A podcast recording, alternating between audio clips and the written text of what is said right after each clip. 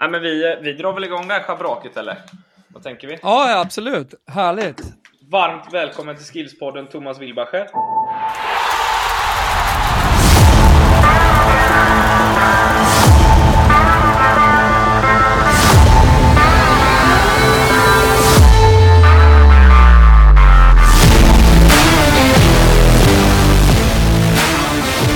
Stort tack, stort tack äntligen. En ära att få ha dig med.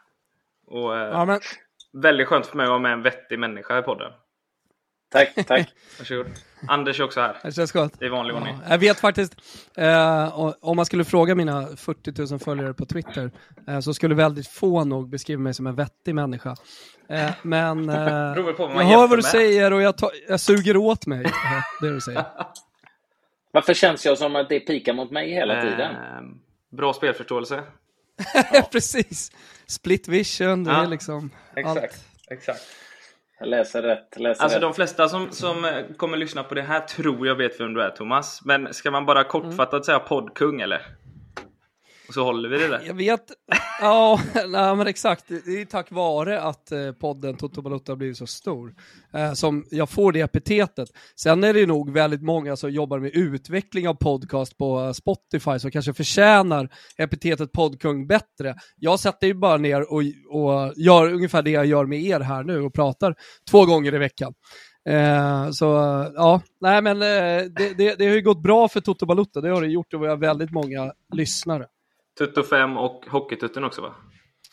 Ja, de ska ju definitivt inkluderas, inte minst då Toto 5, eh, som vi snart har kört faktiskt i ett års tid. Mm. Och det var nog många som trodde när jag startade den podcasten att ja, men det där lägger de väl ner när de ser sina eh, lyssnarsiffror. Men vi ökar hela tiden, det är såklart eh, ja, en jätteliten podcast jämfört med Toto Balutto. Men, Mm. men det är roligt att det hela tiden blir fler och fler i takt med att också intresset för damfotbollen och flickfotbollen ökar. Så ja, men det är kul. Grymt ju. Jag vet inte om du har kikat på den här eh, debattartikeln som Anders slängde ur sig häromveckan? Eh, Fick ju jävligt bra skjuts eh, tycker jag. Eh, och där märker man ju att Anders fortfarande är en relevant människa inom fotbollen. För eh, många kvällstidningar och, och Fotbollskanalen och alla tog, tog upp och gjorde artiklar på artikeln så att säga. Eh, så ja men bra och jag håller ju såklart med om väldigt mycket som Anders skriver. Mm.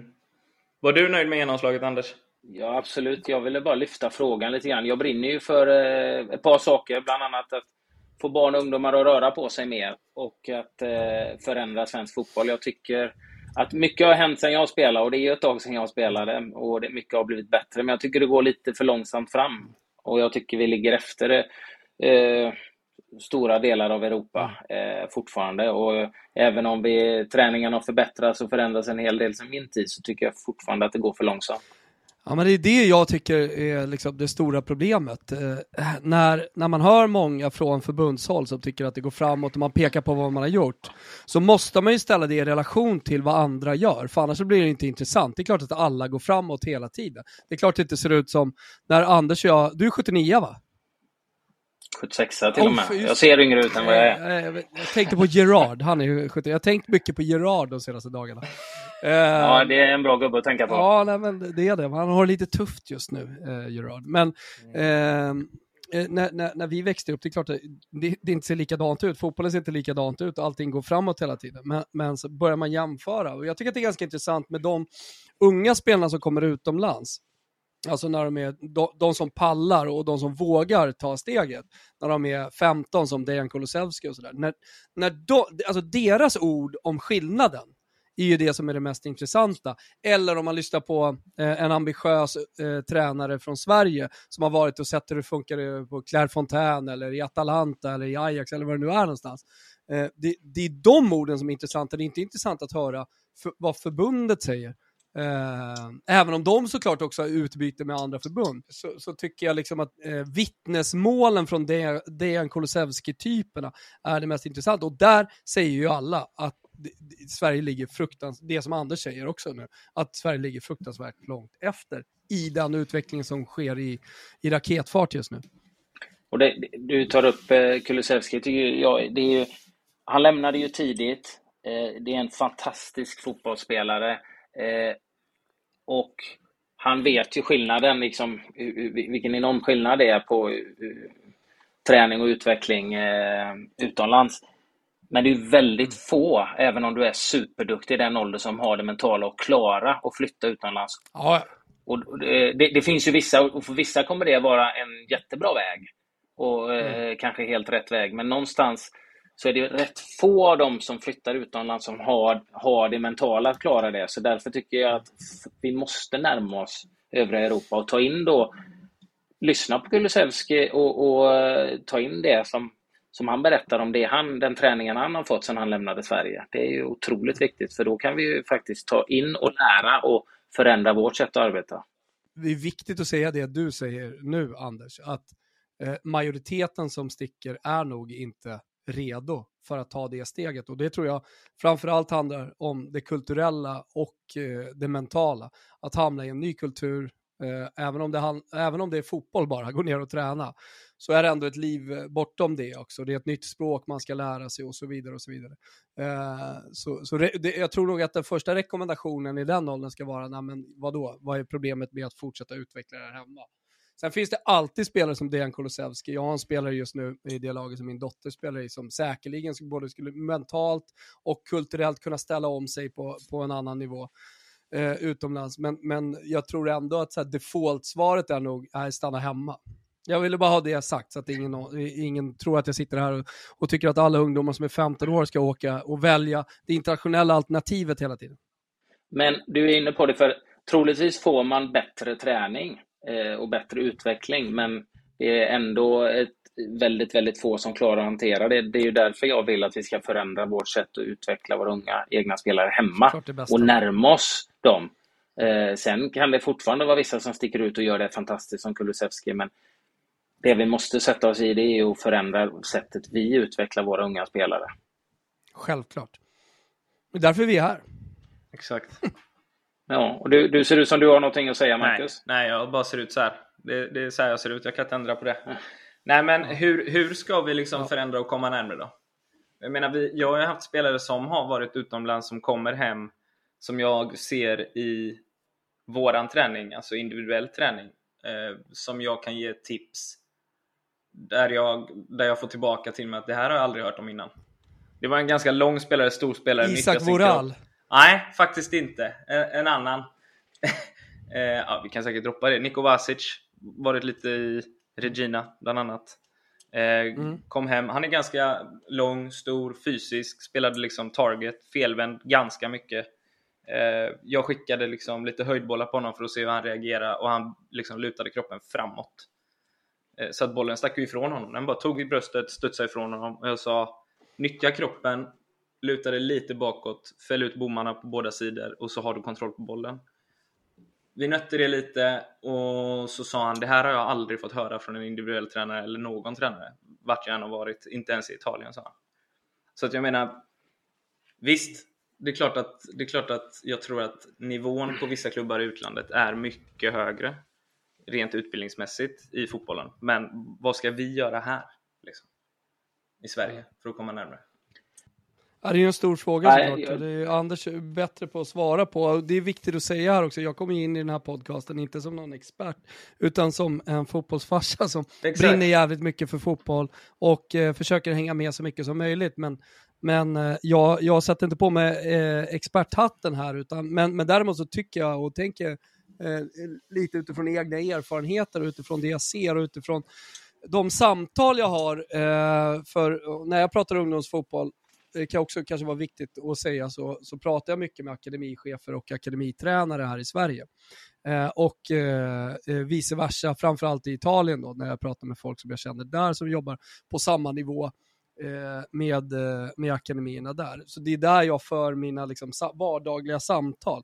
Och där kan det ibland bli lite knas och lite krockar när, när när folk ser på mig som ja, men, en rolig poddare i Toto Balutto och sen så helt plötsligt ska jag bli seriös och prata om fotbollsutbildning och så ifrågasätts jag där. Jag förstår det verkligen och jag är ingen expert. Eh, men eh, det, det, det, är snarare ett missnöje som kommer ut när, när man ser hur, hur illa det funkar. Eh, och ja, att, att, man, att jag, jag har alltid bråttom, jag har lite tålamod. Och nu är min dotter 13, jag har en dotter som är 5. Jag vill gärna vara med på någon slags förändring under den här tiden, eh, korta tiden man har som fotbollsfarsa. Mm. Eh, och om jag kan påverka någon slags opinion eller någonting, då, då är jag gärna med och gör det. Men eh, jag, jag, kommer aldrig sitta ner och, och, titta på när saker och ting eh, går dåligt. Och det spelar ingen roll om det är breddfotboll eller om det är akademifotboll. Och där någonstans, eh, på tal om eh, kult, kulturellt betingade saker, så, eh, så hamnar, kan, kan det ibland bli lite konflikter för mig personligen. Eh, för, för, för, att eh, eh, ja, men det, det, är ju tyvärr ganska lättkränkt i det här landet. Mm. Så är det. Jag har ju, jag har ju starka åsikter om mycket och just det här med individuell träning och jag drar ju det tillbaka till när jag själv spelade. Och du vet, man gjorde de här testerna på försäsongen. Det var, eh, på slutet var det även styrketester, vilket var bra, men annars var det ju i regel konditionstest. Man gjorde sådana här eh, BIP-test, jojo-test. Och eh, jag var en av dem som ofta blev utvald och fick komma in extra på den, en av de lediga dagarna under försäsongen, liksom, eller den lediga dagen på lördag. Du kommer in och springa, du behöver springa mer. Och det behövde jag, jag köper det, för det, det, det var liksom inte min styrka. Men jag var ju också ifrågasättande. Jag sa ju också det. Okej, okay, men de här, och så kunde jag ju peka på fyra, fem stycken. De som behöver komma in och träna på extra passningsspel, för de är odugliga passningsspelare. Vilket kanske inte alltid togs emot väl då. Men, men så, det, det, det finns, finns ju ingenting, ja men det kan vi inte testa liksom, och det kan vi inte träna. Resursen finns inte. Ska någon komma in och jobba med dem mm. individuellt? För då var det ju typ två tränare. Det var ju A-lagstränare, eller cheftränaren och, och en eh, B-lagstränare eller andra tränare då som fanns liksom. Men nu finns det ju det som vi jobbar med på Skills bland annat, det är att ta fram tester för att se var du ligger med din teknik, din touch. Och, eh, jag tror ju jättemycket på det, att kunna utveckla, eh, att jobba det du behöver, jobba med individuell träning. Men det är svårt med resursen om du har 20-25 spelare och du är två eller kanske tre tränare, då ska du kunna se till alla olika individers behov. Men lika väl som du skickar någon som behöver träna upp sin fysik till någon, så kan du någon som behöver träna på sin spelförståelse, eh, sin första touchteknik till exempel. Så mm. finns, det ju, finns det ju verktyg för det. Och jag menar, jag, jag hoppade ju på eh, det här Tokka-konceptet att eh, träna individuell teknik. För att jag, jag tror stenhårt på det. Dels är det roligt eh, för barnen så att de kommer tycka det är roligt och de kommer röra på sig mer. Men sen är det en jävla utveckling på det. Jag menar 50 minuters individuell träning motsvarar nästan bolltouch för åtta pass med laget. Liksom. Lagträningen är fantastisk. Det här är ett komplement, så det är ingenting som ska ersätta lagträningen. Nej. Men jag vet ju att eh, jag pratade med några när jag precis började med, med det här konceptet och visade några när jag gick eh, tränarutbildningen på, eh, på Bosön. Och då var det flera av eh, de spelarna som, eh, som jag pratade med. För i USA är det ju jättestort på damsidan. När de vann VM sist, det var tror jag 7 av 11 i startelvan. Tränar regelbundet på sådana här Tokka-center heter mm. det i USA. Tränar regelbundet på sådana Tokka-center utöver sitt lags träning.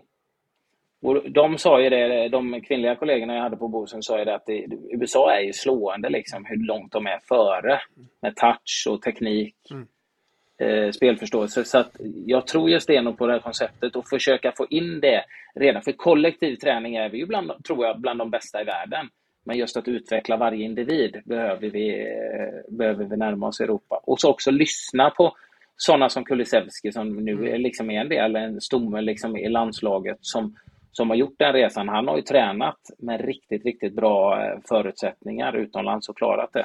Ja, men jag, jag har själv inte lyssnat på vad han har sagt, Nej. men du, du har ju gjort det, så det hade varit jätteintressant. Ja. Ja, men ni får bjuda in honom sen eh, till podden så, eh, så kommer han säkert säga jävligt mycket bra saker. Men eh, jag, jag, tycker att det finns ett par saker som man kan stanna till vid, eh, som du säger. Eh, med den individuella träningen som blir mer och mer vanlig, eh, framförallt eh, då på akademispelarna, som redan spelar mycket fotboll men som inser att eh, här, här, finns det mer att göra, men jag tror att det handlar om att de har ett inre driv också. Det finns en anledning till att de är i bra lag och, och spelar i en bra omgivning. Eh, eh, nu vet jag att ni finns till för alla och det är också jättebra att eh, folk som har driv, som kanske inte ligger så långt fram i sin eh, fotbollsutveckling, också kan åka till sådana ställen som som skillcenter.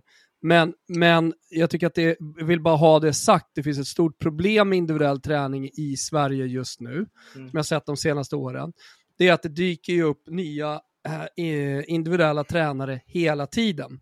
Jag har bara i min kommun där jag bor, men, men eh, alltså jag ser ju överallt jävligt mycket dåliga exempel på individuell träning. Man lyssnar på någon som uh, har spelat, kom, kommit upp, eller kanske har spelat akademifotboll när jag var liten, kanske inte kom hela vägen och som nu då bedriver någon slags egen liten låda. och så sätter man ut koner. För, och, så, och så jobbar man. Det gäller, ju, det gäller ju bra tränare, både kollektivt och individuellt. vad man säger, inte själva övningen där, där, där, märker jag, kanske framförallt i breddmiljöerna, att det är många i, eh, ideella tränare som söker övningar hela tiden. Jag vill ha den här övningen, jag vill ha den här, vad, vad, vad har du för bra övningar? Det är ju vad man säger till spelarna i övningen, vad är man trycker på i övningen, mm. som gör den stora skillnaden. Eh, det, det, det är därför eh, alltså jag, jag har sett allt möjligt, för att eh, många, många spelare, många kompisar till Stella. Hej Florence. Ska du byta om? Okej, okay. ja gör det. kom min dotter här hon har sin första fotbollsträning, hon född 2017, hon har sin första fotbollsträning Magiskt. på lördag. Magiskt. Ja, exakt. Magiskt. Eh, jag tycker det är så jobbigt att komma ner i, i uh, breddklubbarna och se träningar när man går runt. Och det, vet du vad det värsta som allt uh, är? Det är när det är köbildning på träning, när man inte aktiverar kidsen. Ja. Och så står det liksom fyra led med tio ungar i varje och så står de och puttar varandra i leden och så vidare. Så undrar tränarna, fan jag får ingen ordning, så jävla rörigt, alltså ni får ta hand om era jävla barn. Alltså, säg till dem att det är tyst i leden och kommer hit. Så här. Ja men aktivera dem! Mm. För fan, spela två mot två, bryt ner, spela en mot en, en mot en mot en och, och så, så, att alla gör någonting hela tiden. Ja, exakt. Jag hör ju, jag hör ju för övrigt hur rörig jag är i, i hela det här samtalet. Jag bara hoppar mellan äh, alla möjliga grejer. Men, men, det är så men, detta ska funka. Ja, men det, det, jag skulle säga är i alla fall att man, man, man ser helt många dåliga, dåliga exempel. Därför kanske de senaste två, tre åren eh, tycker jag har sett att det har kommit upp jävligt mycket bra exempel. Så nu vill jag, jag det var egentligen positivt det jag skulle säga. Eh, för, säg 6, 7, 8 år sedan, då tyckte jag allt bara liksom var skräp. Jag, jag såg någon på Instagram, känn på det här Anders, han eh, körde då individuell träning, tog vi säkert en lax i månaden eller någonting så här av kidsen. Och så var det eh, då fyra barn som sprang i en slänt, alltså en grässlänt baklänges uppför med en boll som skulle, de skulle få upp den här bollen baklänges uppför den där slänten. Och när de var klara med det, då skulle de få ner bollen utan att använda händerna ner för en trappa. En ja. betongtrappa i fotbollsskor, så det var ju någon där som halka och du vet. Och, och det, det la ju då den här personen ut eh, på sin Instagram som uh, så här, kolla här, kör vi individuell träning. Matchlikt som fan, eller hur?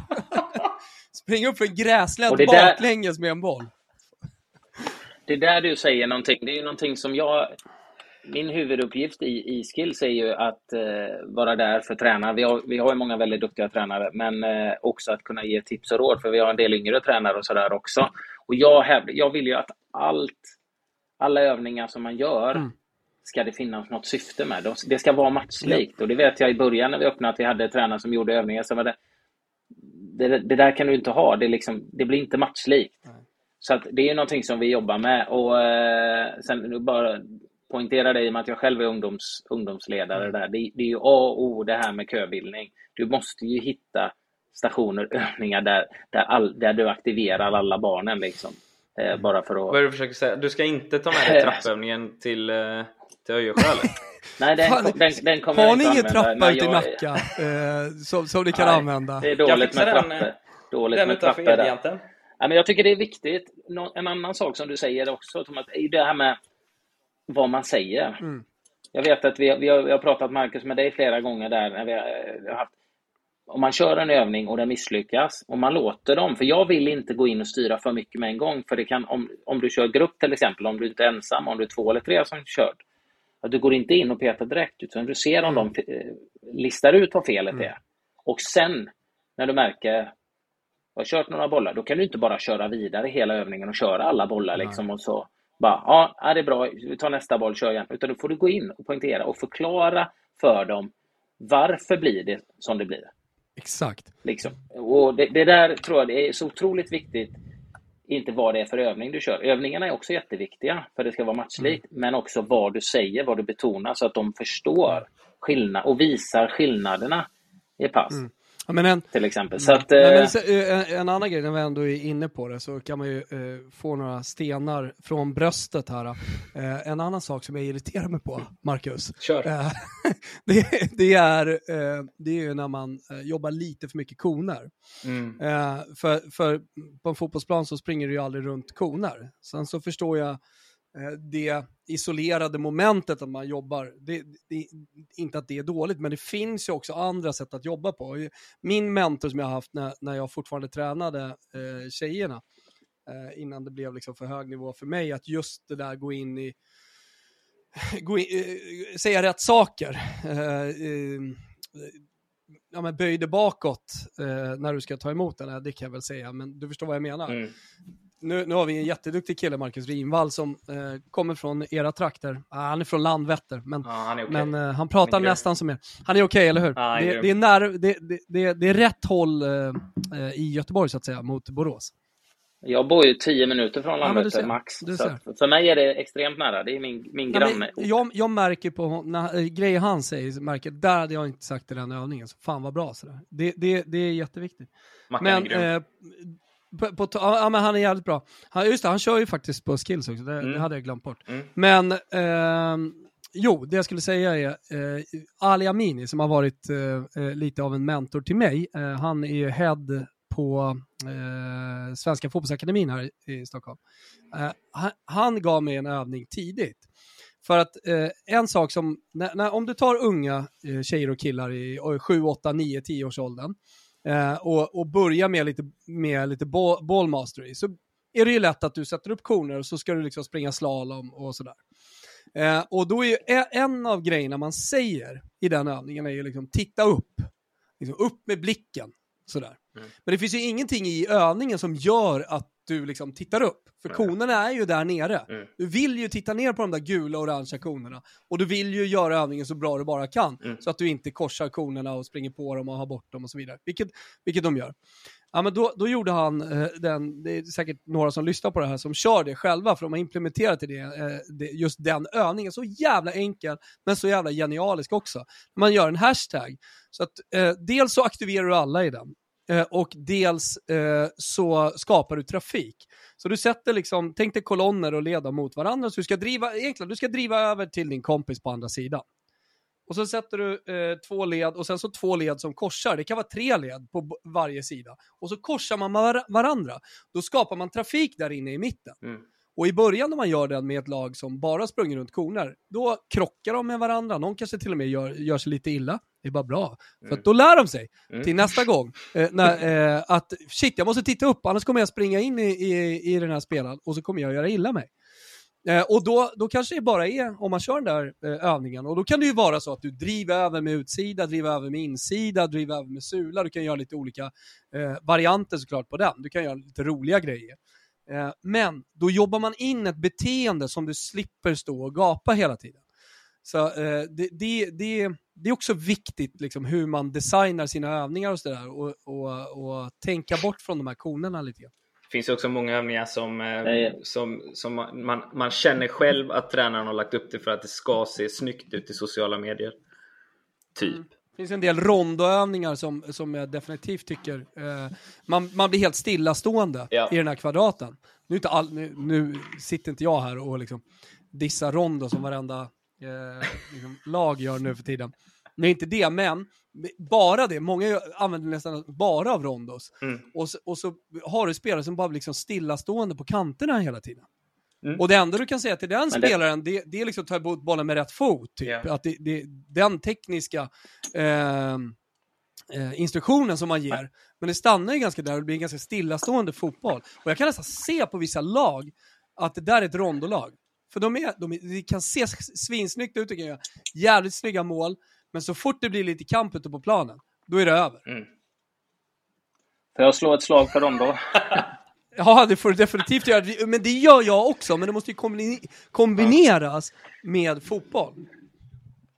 Ja, men vet du vad problemet är i Sverige med Rondo? Och nu går jag tillbaka till min egna erfarenhet. Mm. Hela vägen tills jag slutade spela. Eh, jag vet ju att flera, jag vet, kommer ihåg Lasse Lagerbäck hatar ju Rondo. Mm. Så när vi slog bort kortpassningar i landslaget och slog bort eh, bollen så skyllde han ju på att vi körde kvadraten på träningen. Mm. Det är därför, det här duttandet med bollen. eh, jag hade ju Magnus Haglund i Elfsborg i, i, i, många år också som var jätte, jättebra och trevlig person på många sätt och vis. Men han lät oss göra kvadraten. Han lät oss göra kvadraten, mm. ja, för de tycker det är roligt. Så det gjorde vi ofta fredagar tror jag. Fast vi körde en rektangel som var, var lite som jag tyckte var bättre, för det var en större, större yta och var lättare att få rörelse i det, att man inte blir stiltje. Sen hade du vissa som aldrig ville vara inne. De låste ju sig på en position och slog ifrån sig bollen. Liksom. Mm. Men grejen är att, det jag vill komma till är att det är en jättebra övning, men du måste ju stå där och coacha också. De lät oss göra den. Typ, ja men nu får de en kvart så kan vi gå och förbereda andra övningar. Jag sa, det är en jätte, jättebra övning. Du får alla moment mm. som du behöver i spelet. Kommunicera, titta upp, vad är dina medspelare, flytta, spela, rör dig för att förnedra dem i mitten. Men om tränarna har den inställningen att ja, men det här är någonting som killarna tycker är roligt, då blir det ju pajas. Mm. Jag kollade, då var jag i den äldre kvadraten, eh, eller rektangeln i Älvsborg, men den andra eh, hänga ut folk med Lasse Nilsson och Ishizaki och kompani. Det de gjorde i den, för man hörde ju alltid massa jubel och grejer från den. För det de ville göra var tunnlar och så dra ner sina byxor och få ner... Ja, så de, de tog ju det verkligen till en nivå liksom att ja, men det var latch och skoj. Jag, tyckte, jag tycker det är en riktigt bra fotbollsövning om man gör den på rätt mm. sätt. Men då måste du ju också vara där och coacha exakt, liksom, och exakt. se till att folk inte står still. Och det, det, liksom, är det någon som har stått still, då, då får man ju säga hej, hej, hej, men det, flytta, det sök ny det, position. Och det, det, det är det, oavsett vilken övning vi pratar om, oavsett vilket moment i en fotbollsträning vi pratar om, det är kollektivt eller individuellt. Det vi alltid kommer landa i, om det, är bra, om det blir bra i slutändan, det är ju eh, vad instruktionerna är i övningen och vad tränaren i fråga gör för någonting och vad, vad han säger det, det, det, vi kommer landa där i allting. Och där tror jag, där tror jag vi kan eh, också, det är nästa, nästa eh, utvecklingsområde inom svensk fotboll. Eh, med, med de, de, svenska utbildningarna. Jag tycker, jag tycker inte att det är många som kommer ut från de där utbildningarna som eh, har det där i sig. Det är så, det är så, mycket, det är så mycket ledarskap, det är så mycket, um, vad är det de brukar kalla det för här? Uh, vad är det Marcus brukar säga? Uh, nej men det, det här, hur du pratar med ungdomarna. Uh, vad händer i den här ringen som du sätter? Uh, du ska ställa frågor och, och allt det där. Det är ju jättebra i sig. Men det är hantverket, det stora hantverket för att utveckla fotbollsspelare, det är ju vad du säger och hur du designar dina övningar. Det tycker jag vi glömmer bort lite grann. Mm. Jag, jag, Marcus, ni kommer vi köra den här varje eh, avsnitt i den här podden. Kommer vi köra pro rondo, ja eller nej? Bra! Och så, så blir, det, blir det en rätt intressant mm. diskussion. Ja, nej, men jag är pro rondo, men jag, jag är... Jag, jag, är exakt, jag är emot rondo eh, när, när jag ser att man skickar in en boll, eh, så förstår kidsen ungefär vad de ska göra, och så gör de ungefär rätt, och sen så får de dåliga instruktioner eller inga instruktioner. Du kan inte bara slänga in en boll och låta dem göra det. Liksom. Du kan inte gå där och inte ge några instruktioner. Utan det, du har ju alla moment. Liksom när du ska möta boll, när du ska dra ifrån för att skapa yta. Liksom, så att du kan göra spel, en vändning liksom, och spela ur situationer. Hur, hur trygg är du med bollen för att locka för den som ska, jagar nära innan du spelar och går? Ja. Det liksom, finns jättemånga moment om du instruerar på rätt Exakt. sätt och du instruerar. Det är ingen pajasövning, då blir Men, det ju pajas. Och det är liksom. det jag tycker att vi ska fokusera på i våra fotbollsutbildningar. Är du med?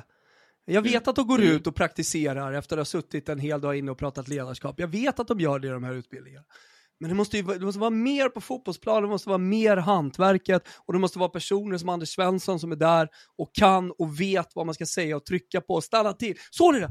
Nu gjorde han en det, hörde ni vad jag sa där? Och liksom hela tiden eh, driva utvecklingen. Inte liksom vara nöjd med att man har gjort en design på en övning, en rond och sen så rullar den bara på. För jag lovar, om du går ut eh, i Göteborgstrakten och kollar på hundra föreningar när de kör rondos, för alla kör garanterat någon slags rondoövning, så ser du fan, ja, två, tre stycken där du har ledare som faktiskt säger bra saker och utvecklar dem i den övningen. Max. Exakt. Ja, men vi, ja.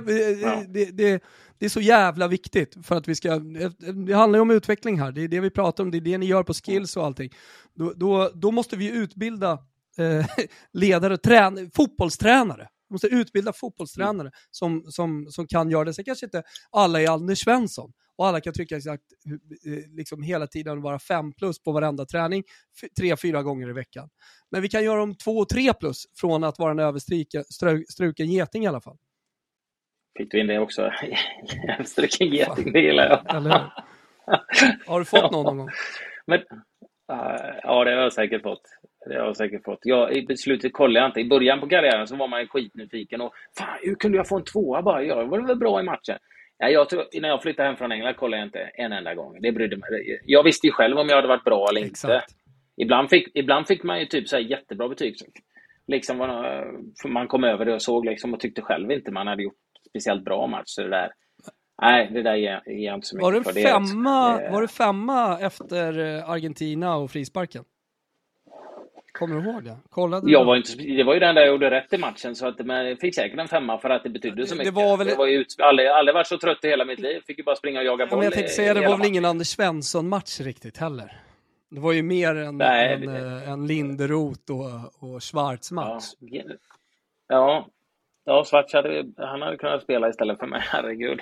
Så trött ja, jag då hade, vi, då, hade vi inte, då, hade vi inte suttit, då hade vi inte suttit där med det målet i efterhand, å andra sidan. Nej, men, nej det är möjligt. Det är möjligt. Nej, men eh, det, jag, jag, var inne lite på alltså just den här kombinationen, hur man lägger upp, om man tänker en hel träning. Eh, och det beror ju på såklart på åldrar och var de ligger någonstans i sin ut, uh, fotbollsutveckling. Men uh, uh, i min dotters lag så hade vi kanske den bästa träningen som jag har sett i förra veckan. Jag sa det till Rinvall också, att jag tyckte det var så jäkla bra. För Eh, vi, de avslutade, vi hade en och en halv timme plantid på kanalplan, eller vi har det på torsdagar. Och det är helt fantastiskt. Grym plan, eh, härliga förutsättningar och allting sånt där. Eh, och då brukar vi avsluta med att spela lite stort då. Eh, för, för eh, det, gör, det gör man ju sällan. Det gör man ju sällan i akademin, utan det är väldigt mycket nedbrutet fortfarande, liksom upp till 13 års ålder också. Skitsamma. Eh, då, då började han med liksom en passningsövning som gick över sen i en rondoövning. Och det såg så jävla bra ut, eh, så då gick han ner lite på ett, eh, eh tillslagsbegränsning också. Också sällan vi gör, jag vet mm. inte om jag är så här jättemycket pro det, men att göra det hela tiden menar jag bara för att göra det. Men i den övningen såg det bra ut. De var redan nere eh, på begränsade tillslag själva. Så gick han ner på ett tillslag och fick verkligen till det i tio minuter. Sen gick vi upp och spelade stort. Och då var det så jävla bra. För då kom de från en rondaövning där det var högt tempo, som gick över till ett vändspel och det var liksom högt tempo och, och eh, tillslagsbegränsat. Och helvete vad det såg bra ut på matchspelet. Vi satt några föräldrar och kollade och bara, kan, vi inte forts kan de inte bara fortsätta en kvart till för det är så jävla roligt att titta på dem eh, här. Mm. Så, och jag bara tänker på hur, när man då eh, gör, planerar, organiserar en hel träning. Att det är viktigt att man får ihop alla delar så helheten blir bra också. En röd tråd, ja. Det blir en röd tråd, precis. Men det som du kände av där måste ju spelarna ha känt av också då? Ja, jätte, alla, nu, nu har tjejerna eh, extremt mycket tävling i sig. Om man kör mot en eller två mot två eller stort, spelar ingen roll, de har väldigt mycket tävling i sig. Mm. Eh, du behöver inte köra Dumleklubbor för att få igång dem, utan du, du, det, det, de har koll på resultatet. Eller, det, det, Marcus kanske bara ropar ut, ah, nu är det 1-1 liksom, sådär, mm. bara för att påminna dem. Eh, så, så, den finns där, men här, och då är det alltid, med det sagt, då är det alltid några som är besvikna efter. Och även fast de har gjort kanske en bra träning, för att de har förlorat matchspelet. Ja. En sån enkel grej. Mm. Men eh, i, i det här fallet så var, man, man såg på alla var lyckliga efter. Det var en så jävla bra träning. Mm. Jag gillar ju om man är lite gnällig och grinig efter en träning alltså. Du var aldrig det Anders va? Jo, men det var ju min drivkraft och jag mm. gillar, jag ser det. Nu, nu tränar jag ju några som, de är ett år yngre och de är födda tio. Mm. Men jag gillar ju det. Eh, min son har, har ju bland annat eh, mina sämsta sidor. Eh, och jag pratar mycket med honom och det är några till i laget där som, alltså de blir så jävla griniga när de förlorar och det går emot. Och jag, tyck, jag vill inte liksom stoppa dem från det, men jag sa du måste kunna omvandla det till energi. Mm, exakt. Och sån var ju jag. När, så var ju jag. För om, om du bara gnäller och klagar och letar fel hos, att det är fel hos alla andra domare eller vad som helst, så, så blir det bara en börda. Men det var ju det som var min styrka, för jag var ju rätt lat och dålig på att löpa och sådär. Men spelade vi smålagsspel, till exempel, på träning och förlorade typ i, i, i slutet på träningen. Jag vill inte gå av, jag vill fortsätta, jag vill spela mer. Mm. Och jag bara liksom, ja men då kör vi kör en träning till liksom. När det är träning, då kör vi smålagsspel imorgon med liksom. Och det var min drivkraft. Så jag var tokförbannad, men när jag var arg så blev jag, var jag bättre.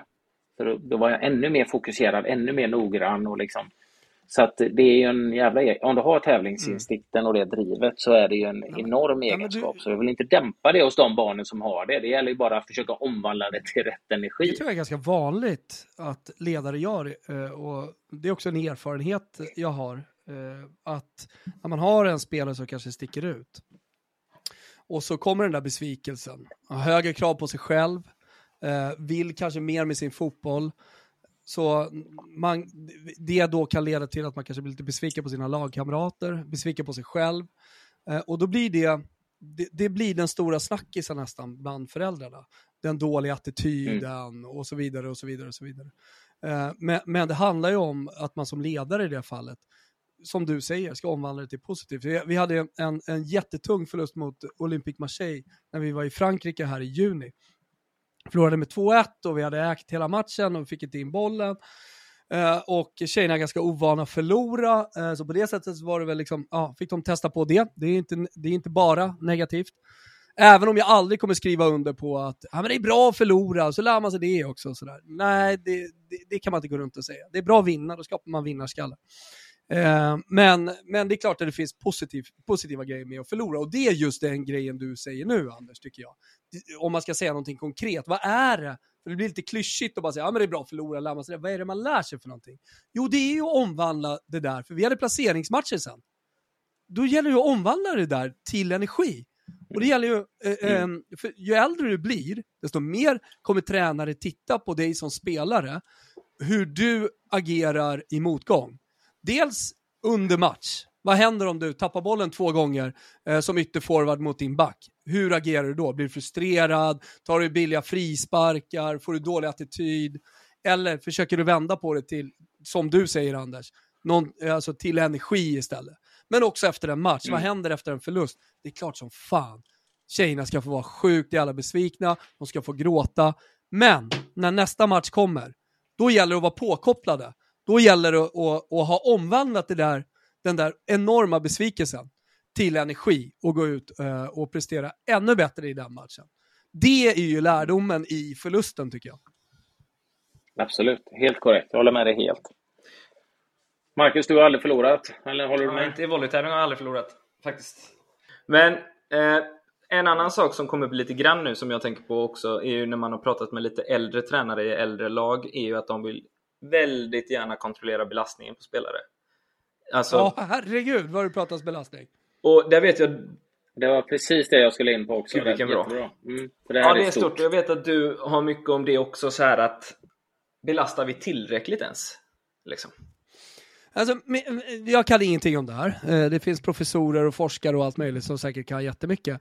Men jag skriver under på att det pratas enormt mycket om belastning. Mm. Alltså bara i den miljön som eh, min dotter är i, där är det liksom oh, akter för korsbandsskador här och akter för korsbandsskador där och vi är på Vikito hos er på Skills i Nacka. Vi kör i ett halvår med en gång i veckan och vi gör inför varje träning så gör vi knäkontrollövningar mm. och det är extra, extra, extra hela tiden eh, på den delen. Men det finns en enorm rädsla från framförallt föräldrar, men även som du säger från ledare och tränare. Och jag tycker eh, alltså i alla fall min erfarenhet är som du säger, den äldre generationen tränare är väldigt noggranna med det. Det enda lilla jag hört nu på slutet från någon som kan, och eh, jag lutade mig mot det direkt, det han sa, en kille som kom från Sevilla och ska jobba som fystränare i, eh, i Hammarby. Eh, så hade, ja, det var Marcus eh, Rimvall mm. som hade frågat honom just kring belastningen och visa vårt liksom, träningsschema lite och sånt där. Och han sa, alltså i den här åldern, kör! Mm. Alltså du kan, du kan lägga på hur mycket mer träning som helst. Och då träna tre gånger i veckan och matcha en, två gånger i, i veckan. Mm. Det är det enda de gör. Mm. De måste ju träna mer. Det, det är nästan så alarmklockorna går här när de tränar för lite. Fotboll alltså. Mm. Mm. Och det, för, jag tycker den, det har ju varit ett, en diskussion. När vi försöker driva vår verksamhet har det varit en, en diskussion. Jag vet ju eh, att det, eh, även på, på, eh, på liksom elitnivå att Ja, nej, men vi de är rädda att de kommer att träna individuellt här. Det blir för mycket belastning. Eh, tränar för mycket. Och, och jag vet att jag pratade med en av de största klubbarna i Stockholm när vi var uppe. Eh, eh, jag tror det var ungdomsansvariga mm. upp till, om det var upp till 19 år eller något. Och pratar ja men vi tränar så, här och så här många gånger, så går de på gymnasiet där i den åldern. Det, eh, så då har de extra pass. Så, så, så sa vi det, okej okay, men om vi säger det så att de har 24 pass i månaden, det är bara för att få en jämn siffra, sa jag. Ja, ja och du menar att eh, de kan inte träna mer då? Så, men det, skulle de, om de inte kan träna mer, skulle de inte må bra av att köra 23 pass med laget och så köra ett pass i, i månaden eh, individuellt liksom för att utveckla sin teknik och sådär? Det skulle inte ge dem lika mycket, för han hävdade att det, det inte skulle ge dem Nej. någonting att träna individuellt då. Sen vet jag att det finns, att många har väl dålig erfarenhet av individuella tränare också, men det, det som jag upplever ett problem är att vi inte riktigt vi vill ju samarbeta med klubbar mm. och inte vara något, liksom ett komplement. Och där, den, den frågan, eller problemet som vi ofta stöter på, det är att de, ja men nej, de kan inte träna mer, det är redan för hård belastning på dem. Och det, det ställer jag mig lite frågande till då. Liksom. Jag tror att det skulle vara ovärderligt för väldigt många att uh, köra individuell träning ja, får, utöver sitt lags träning. Ni får bjuda in Jesus då. Han kommer från, uh, har jobbat flera år i Sevillas uh, akademi och även upp till seniorverksamheten tror jag också. Uh, har väl varenda jävla PhD i, alltså han är megautbildad. Mm. och ja, det var han som sa det här till mig. men det du, du är inne på någonting här som jag tror eh, vi, måste, vi måste bli bättre på i svensk fotboll. Det är att vi kategoriserar väldigt mycket och generaliserar väldigt mycket. Eh, och, och, och, det blir lätt att man, man eh, fastnar i klyschor och i, i trendord. Eh, så till exempel om man tar ordet akademi så har det en väldigt negativ klang eh, i svensk fotboll. Mm. Pratar du i, i breddfotbollen så är det liksom man ska inte specialisera tidigt, det är det ena och det fjärde och det är en massa fördomar kring akademierna. Vi har kul här i breddfotbollen, bara en sån grej. Mm. Att, att, att vi som vuxna kan gå in och, och generalisera och säga att alla barn tycker, eh, tycker samma sak, vad som är roligt. Det är ju, det är helt sjukt. Det borde ju vara straffbart nästan att säga sådana saker. Mm.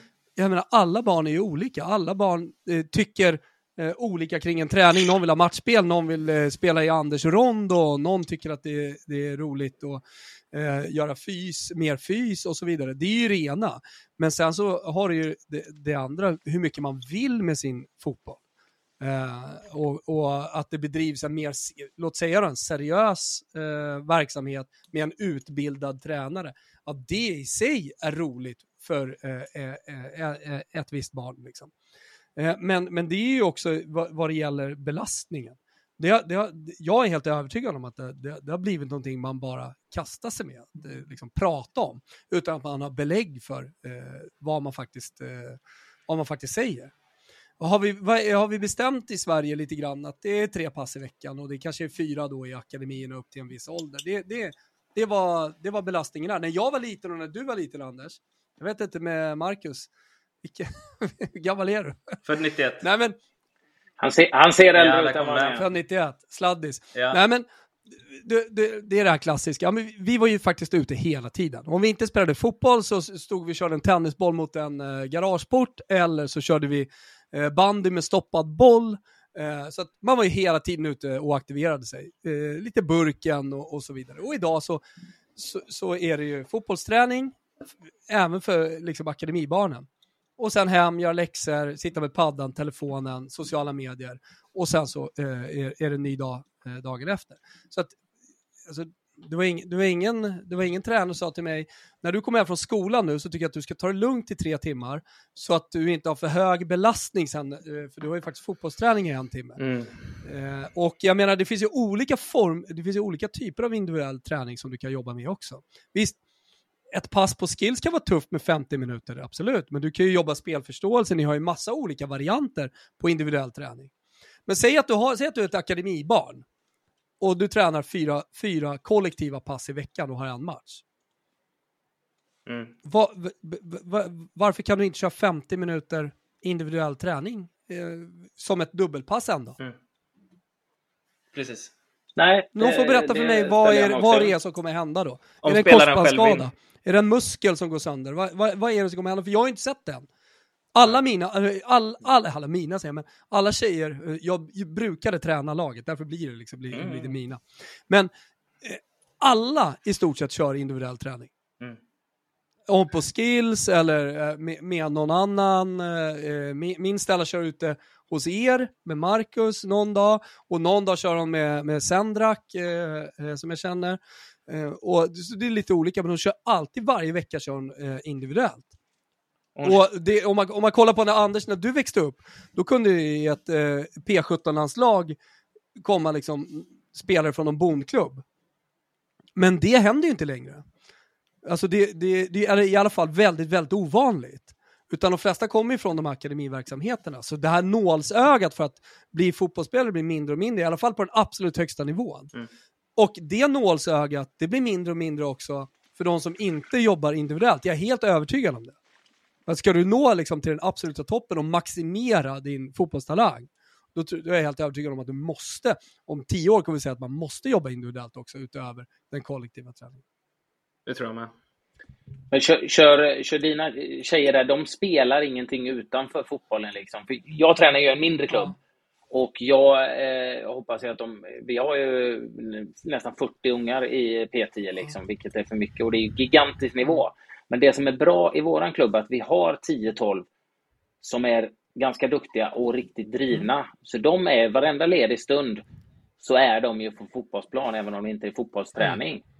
Och den är jag ju orolig att de tappar om de går till eh, en akademi i dagsläget då, liksom, i och med att vi bor lite utanför. Mm. Så där får de ju ganska mycket individuell träning, tycker mm. jag, dels för att de är ju hela tiden, varenda mm, dag. Men liksom. ta eran ambassadör, eller Junitoft, i, eh, i Bayerns 09-lag då. Mm. Eh, min Stella, Stellas bästa kompis.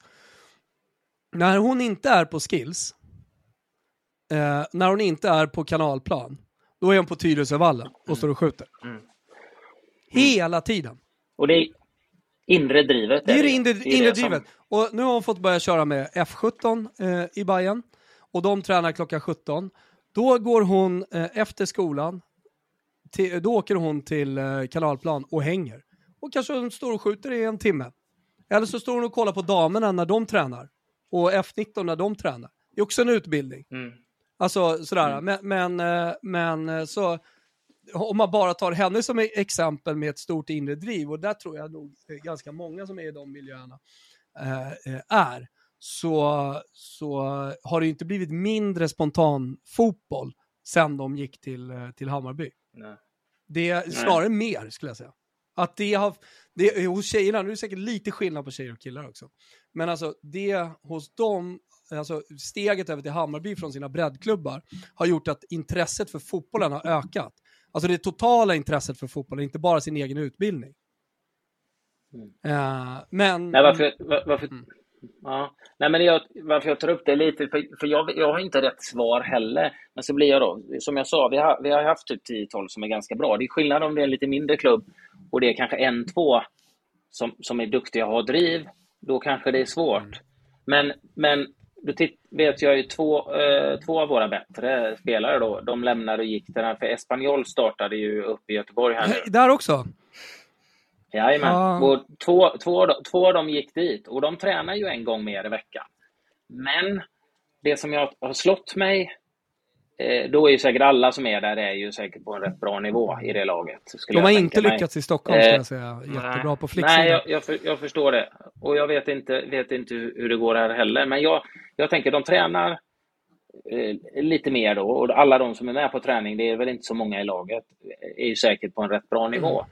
Men det som har slått mig är att när jag är borta och kollar till sonen och alla de kompisarna och där, jag ser nästan aldrig de två. De bor ju här, de går i samma mm. klass. Jag ser nästan aldrig de två. Nu, nu har jag sett dem ett par gånger nu när, när det är liksom så skolan har kört igång. Jag tänker även om de kör ett pass mer i veckan där med Espanyol så tappar de ju ja. ja men det som kan eventuellt här... De står själva mm. också och kör. De, ja. de kör inte med de andra. Ja, jag, jag känner igen det här. Jag är lite bara så här, vad är, jag känner igen det här. Vad är, vad är bäst för utvecklingen? Ja, äh, men exakt. Jag känner igen det här. Uh, och det jag är rädd för i det här fallet, det behöver inte vara så, men är att det är ett exempel som jag har sett uh, i Stockholm. Är att när man lämnar sin uh, Eh, sin eh, lokala fotbollsklubb och går till en akademi, då är det väldigt många föräldrar som pratar illa om det. Och ska gå till akademi med allt vad det innebär, de har ingen koll på vad det är. Eh, och då hör deras barn det. Och då spiller det över till stämningen i skolan. Mm. Alltså jag har halva laget som uh, hade problem och faktiskt några som fortfarande har problem i sina klasser sen de lämnade sitt breddlag för att gå till Hammarby. Och det, det, kan ju såklart vara barndrivet i något fall och sådär. Men det är också föräldradrivet hur man pratar med sina barn kring det. Och det skulle det kunna vara i det här fallet, att det blir en social, eller, eller bara mellan, mellan kidsen, att det blir en social grej. Eh, och eh, att eh, de ses som lite annorlunda just nu, bara för att de har gått till Espanyol. Och att det då eh, spiller över på hur deras vänskap är med de som de brukar vara polare med.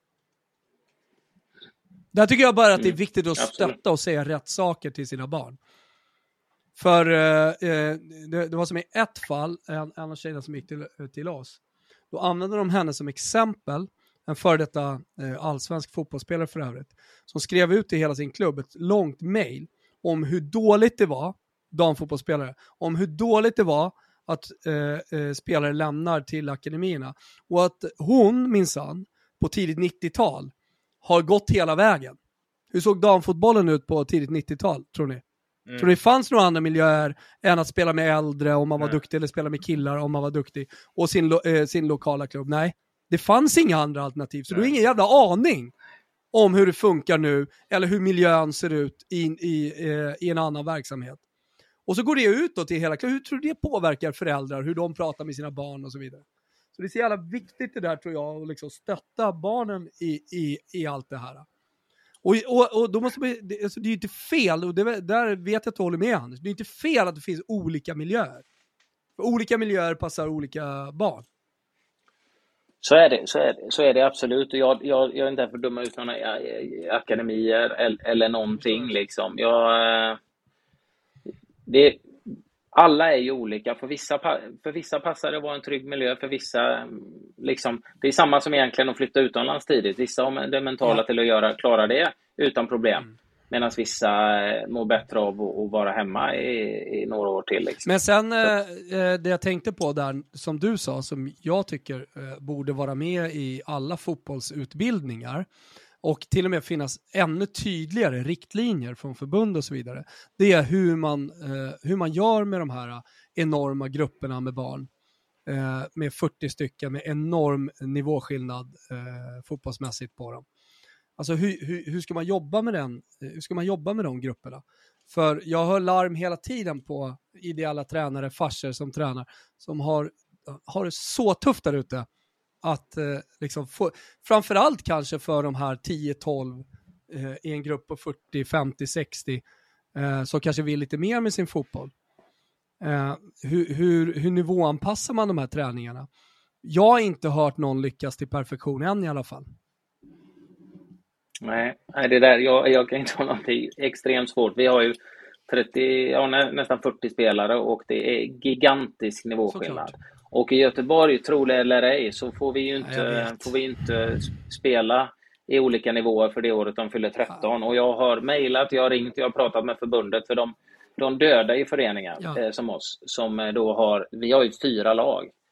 Okej, okay, så vi ska anmäla ett lag till svår, då ska alla fyra vara svår. Vi har ju några som, som inte kan slå en passning Nej. på fem meter. Liksom. Lika barn leka bäst. Det, liksom, det, och när de spelar tillsammans, de, de, de, de får inte röra bollen. Och jag hade en kille som spelade mitt lag i första träningsmatchen i, i år. Och eh, han tillhör de som, som ligger längst efter utvecklingen. Och han gjorde ett misstag så att motståndarna kvitterade. Eh, och eh, han, han tackade nej till alla matcher efter. Eh, han vill bara spela med dem som är på sin nivå. Och jag sa, det får vi inte göra i förbundet för nästa år. Så jag löste ju en träningsmatch ändå. Eh, med en annan eh, stor mm. förening i Göteborg som vi samarbetar med. Och eh, då tackade han ja igen och var med och spela. Jag tror de förlorade med 12-2 mm. då. Vi gjorde så här starka och svagare mm. lag då. Eller. Och, men han var ju skitglad. Då fick han ju spela igen. Men då fick han ju spela med dem som var på sin nivå. Han gjorde misstag, men det gjorde alla andra. Han brydde sig inte så mycket. Han hade roligt. Så jag vet inte riktigt vad ja, Göteborgs fotbollsförbund håller på vi, med. Där, där, vi skulle till och med kunna landa i, gå ner hela vägen till en en mot en övning. Ja, och så eh, får du inte riktigt nivåinpassa dina träningar så spelar du den bästa mot den sämsta eller en hög mot en låg, eh, var de ligger i sin eh, fotbollsutveckling. Vad ska du säga till den spelaren som är jäkligt duktig, som egentligen kan göra fel grejer, men ändå ta sig förbi den här spelaren, kan göra mer eller mindre vad som helst. och vad, vad, säger du, hur, hur utbildar du då den sämre spelaren? Som möter, som, liksom, även om man kanske gör rätt saker, men det går lite för långsamt så att den, den, eh, den försvarande spelaren kommer, kommer ta bollen tio gånger av tio i alla fall. Mm. Och eh, den, med, med, största sannolikhet, om vi använder det som exempel, en mot en övningen, med största sannolikhet så kommer eh, den bättre spelaren inte vända sida till och agera på rätt sätt, utan kommer ju bara springa rakt fram och ta bollen. Så att jag menar så här, mm. det, det, det, det, just det där äh, som Göteborgs fotbollsförbund eh, pysslar med, det jävla tramset, det, det, skapar ju problem hela vägen ner till träningar, det skapar problem med föräldragrupper eh, och eh, som jag ser det, det blir bara en stor jävla röra av alltihopa. Jag har ju lagt ner enormt mycket tid. Jag vill nivåanpassa träningar, mm. för det går inte annars. För det, fotboll är en, en lagsport. Du ska passa till varandra och liksom passa en boll, löpa och så ska du kunna få tillbaka den i en ny yta och sådär. Men jag, jag, har haft en ganska rak dialog med både barnen och eh, föräldrarna varför vi gör och att man är på olika nivåer, att det där skiftar hela tiden, kan skifta hela tiden. Mm. Och sen så försöker jag också lägga upp övningar i stationer där grupperna de gör samma övningar. Mm. Så det är inte att eh, de som ligger långt efter tittar vad rolig grej de gör där som, som är duktiga där borta, utan de gör samma, men där man inte alla övningar, men de flesta övningar försöker jag. Och så hitta moment som, där du kan göra det svårare. Det kan vara eh, touchrelaterat, det kan vara eh, att du har en passningsmoment till i en passningsövning. Men de måste ju, du kan inte blanda helt vilt, för det, då är det inne som du säger. Då är det ingen som lär sig. För de, eh, ett, en mot en är ju klockrent exempel där. Om du är jätteduktig och du möter en som inte alls, som kanske är helt ny med mm. fotboll, så jag menar, du behöver inte göra någonting rätt. Du går bara fram och ta bollen. Så det ger ju ingen av dem någonting. Nej. Och problemet är om du gör det, och ni har en rak och tydlig dialog med era föräldrar eh, och det funkar bra hos er. Problemet blir ju sen när ni ska börja följa eh, Göteborgs fotbollsförbunds riktlinjer hur det ska funka då på match. För där blir det något helt annat. Mm. Där, ja. där, där, är du med? Ja. Alltså, då, ja. Där ska alla möta alla. Vi bara väntar ju på... Ja, där väntar vi bara tills tills nästa år egentligen, de flesta. Ah, okay. För de som ligger efter mm. vill, vill spela med de som är på sin mm. nivå och de som är långt fram vill spela med dem på sin nivå. Så, så mellan barnen är det inga problem. Ja, du har en, en, en liten zon där, gråzon i mitten där eh, barn, det är väldigt, väldigt viktigt att vara med på den svåra sidan då, på, på träningen, svårare grupper på sidan då. Mm. Eh, folk som, och det, det, är, det är viktigt, men där kör vi ofta ett rotationssystem för de som ligger i mitten kanske också. Så att, man ibland. Men nej, det, det, det är svårt och de har inte gjort det enkelt i Göteborgs fotbollsförbund. Jag tycker det är väl de är tvillingarna Gustafssons farsa som sitter där och styr, är det inte det? Jag har pratat med honom. jag tänker med det.